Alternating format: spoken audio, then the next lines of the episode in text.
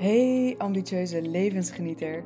Welkom bij de Gezond Kompas podcast. De podcast over duurzame gezondheid. Leef je beste leven terwijl je kerngezond blijft. Dat wil jij toch ook? Laat je dan inspireren door de experts en rolmodellen in deze podcast. Ik, Dr. Iris Otto, neem je mee op gezondheidsreis naar jouw ideale leefstijlrecept voor duurzame gezondheid. Heb je iets interessants gehoord? Deel deze aflevering dan met je vrienden, familie en collega's. Zo helpen we elkaar gezonder te worden. Ik wens je heel veel luisterplezier. In de loop van ons bestaan zijn wij mensen van actieve wezens naar sedentaire wezens gegaan. Van jagen en verzamelen naar computeren en televisie kijken van urenlang op pad naar urenlang op de bank. En lichamelijke inactiviteit is een van de grootste problemen voor onze gezondheid geworden. En in eerdere afleveringen van deze podcast heb ik al uitgebreid stilgestaan bij hoe onze huidige sedentaire leefstijl, dus ons zitgedrag, is ontstaan en welke invloed dit heeft op onze gezondheid. Dus check vooral afleveringen 4 en 7 even om jezelf bij te spijkeren. En deze aflevering is daarom kort maar krachtig. En ik wil je vooral even een snelle kijk geven op de huidige anti-sedentaire voorschriften. En je natuurlijk aanmoedigen om meer te gaan bewegen en minder te gaan zitten. Nou, laten we beginnen met beweging. Beweging verbetert natuurlijk onze algehele gezondheid en gevoel van welbevinden. Beweging heeft positieve effecten op onder andere onze stofwisseling, onze hartfunctie, onze longcapaciteit. Het ondersteunt ons immuunsysteem en ons zenuwstelsel. En door te bewegen verlaag je je stressniveau, je versterkt je spieren en je botten en je verbetert ook verschillende bloedwaarden. Dus bewegen is heel gezond voor je, maar hoeveel moet je nou of zou je nou moeten bewegen?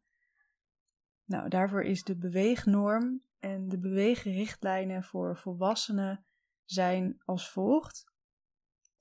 Beweeg minimaal 150 tot 300 minuten per week matig intensief of 75 tot 100 minuten intensief. En dit komt eigenlijk neer op dagelijks minimaal 30 minuten aaneengesloten een hartslagverhogende activiteit. En wil je nou weten wat matig intensief is en wat intensief is, kijk dan even op gezondkompas.nl op de blog. Er staat een artikel De zittende samenleving en daar staat het allemaal uitgeschreven. Verder doe ook 150 minuten per week spier- en botversterkende activiteiten, verdeeld over minimaal twee keer per week. En vervang zitten door fysieke activiteiten.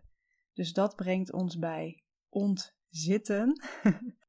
Zitgedrag is echt on the rise in Europa. Sinds het begin uh, van het nieuwe millennium zijn we steeds meer uren gaan zitten. Het komt natuurlijk ook door veel uh, bureauwerk, hoogtechnologische ontwikkelingen, waardoor we steeds minder uh, fysiek werk hoeven te doen en steeds meer hoofdwerk. Nu zitten de noordelijke landen meer dan onze zuiderburen. En zoals je misschien al hebt gehoord in het interview met gezondheidszorgtechnoloog Paul Akkermans, dat is podcast aflevering nummer 24, is Nederland zelfs kampioen stilzitten. Dat is niet iets om trots op te zijn. Maar volwassen Nederlanders zitten gemiddeld meer dan 8 uur per dag. En helaas kan je dat zitgedrag niet compenseren met een uurtje sporten. Dus zelfs als je aan de zojuist besproken beweegnorm voldoet, voorkom je de gevolgen van veel zitten niet. En het is dus cruciaal dat je juist actiever wordt door de dag heen, dus gedurende de dag. En als je je spieren elk uur een beetje laat werken, verlaag je je risico op chronische aandoeningen significant.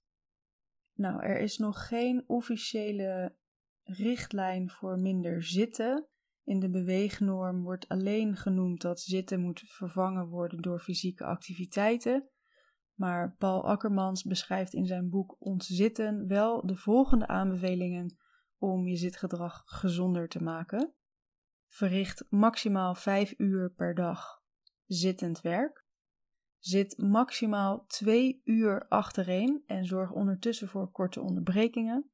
En zo'n onderbreking is het liefst elke 20 tot 30 minuten even opstaan en voor minimaal 90 seconden bewegen. Las ook elke 2 uur een beweegpauze in van minimaal 10 minuten. En luister vooral ook naar de signalen van discomfort die je lichaam je geeft en verander regelmatig van houding. En zorg daarbij tussen afwisseling tussen zitten, staan en lopen.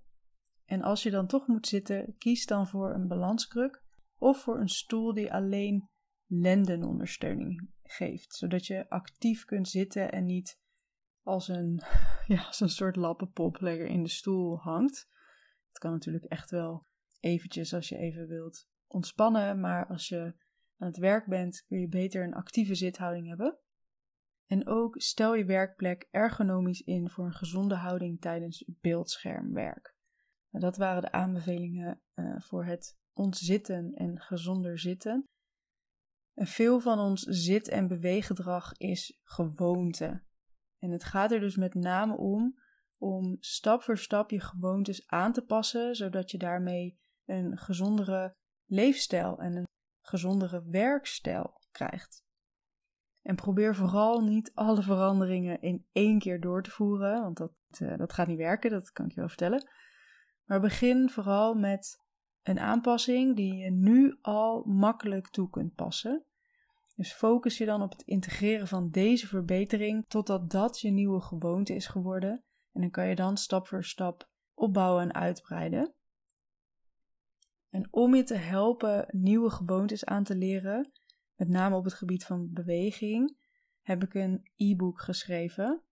Het Stappenkompas. En dit e-book ondersteunt je bij gedragsverandering, zoals actiever worden. En staat echt boordevol tips en oefeningen nou ja, die je dus helpen bij het actiever worden, bij meer stappen zetten op een dag. Maar de methode is ook toe te passen op andere gedragsverandering. Dus ga dat e-book vooral uh, lezen en gebruiken. Het is helemaal gratis te downloaden via gezondkompas.nl/slash stappenkompas. Minder zitten en meer bewegen is echt een van de meest effectieve dingen die je kunt doen voor je algehele gezondheid. Dus ik nodig je daarom uit om dit echt een prioriteit te gaan maken in je leven. En ik wens je daarmee veel succes. En stuur me vooral een berichtje per mail of via Instagram, gezondkompas, als je vragen hebt of ergens tegenaan loopt. Ik help je heel graag en, en ik hoor natuurlijk ook graag van je als je deze aflevering of het stappenkompas uh, waardevol uh, vindt. Dus nogmaals, succes en ga lekker bewegen, minder zitten en kom in beweging. Fantastisch dat je luisterde naar de Gezond Kompas podcast. Hiermee heb jij weer een stapje gezet richting duurzame gezondheid. Vond je deze aflevering nou waardevol? Dan zou ik het ontzettend waarderen als je een beoordeling achterlaat op Spotify of Apple Podcasts.